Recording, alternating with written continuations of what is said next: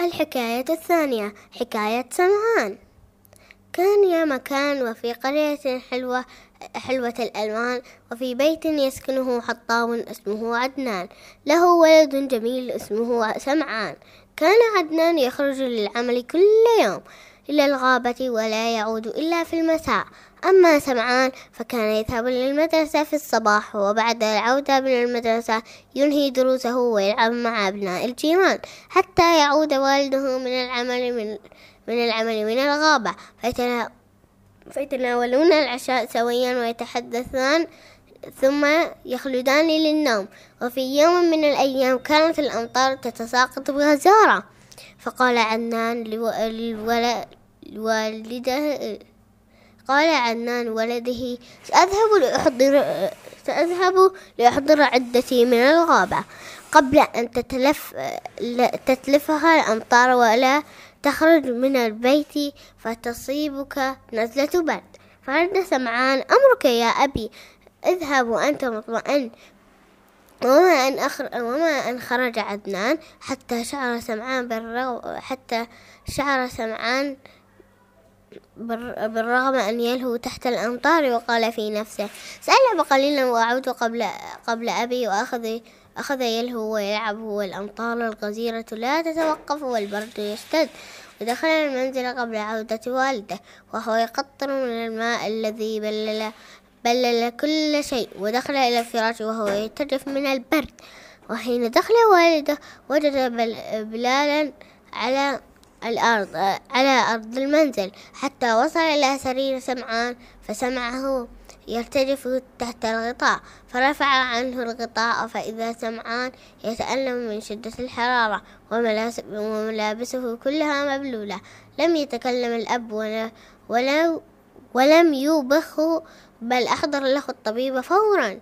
وبعد المعاينة قال الطبيب هذه نزلة برد.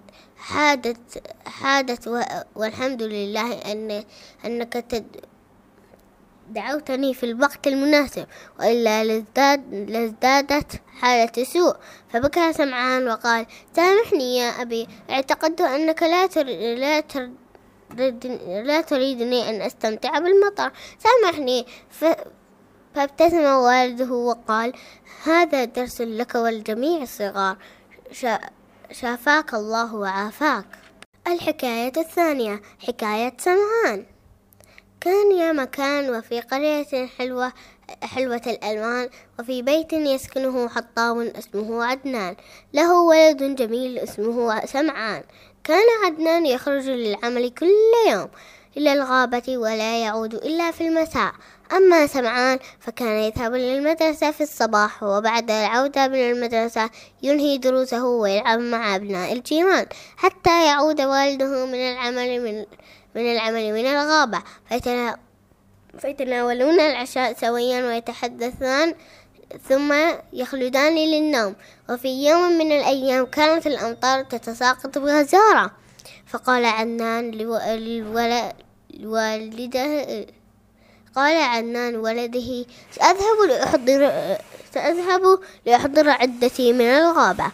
قبل أن تتلف تتلفها الأمطار ولا تخرج من البيت فتصيبك نزلة برد. فرد سمعان أمرك يا أبي. اذهب وأنت مطمئن.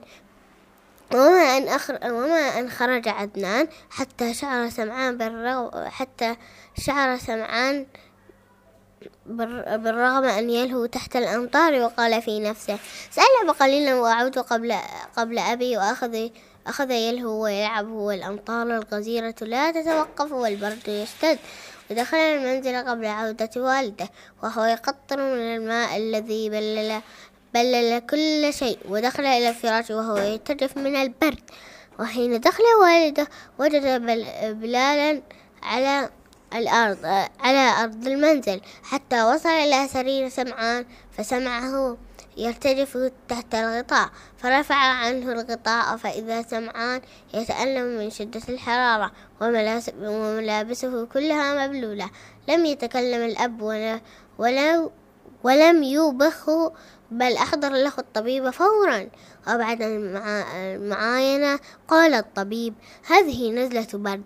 حادت حادت والحمد لله أن أنك تد دعوتني في الوقت المناسب. وإلا لازداد لازدادت حالة سوء. فبكى سمعان وقال سامحني يا أبي. اعتقدت أنك لا تر... لا تر... لا تريدني أن أستمتع بالمطر. سامحني. ف...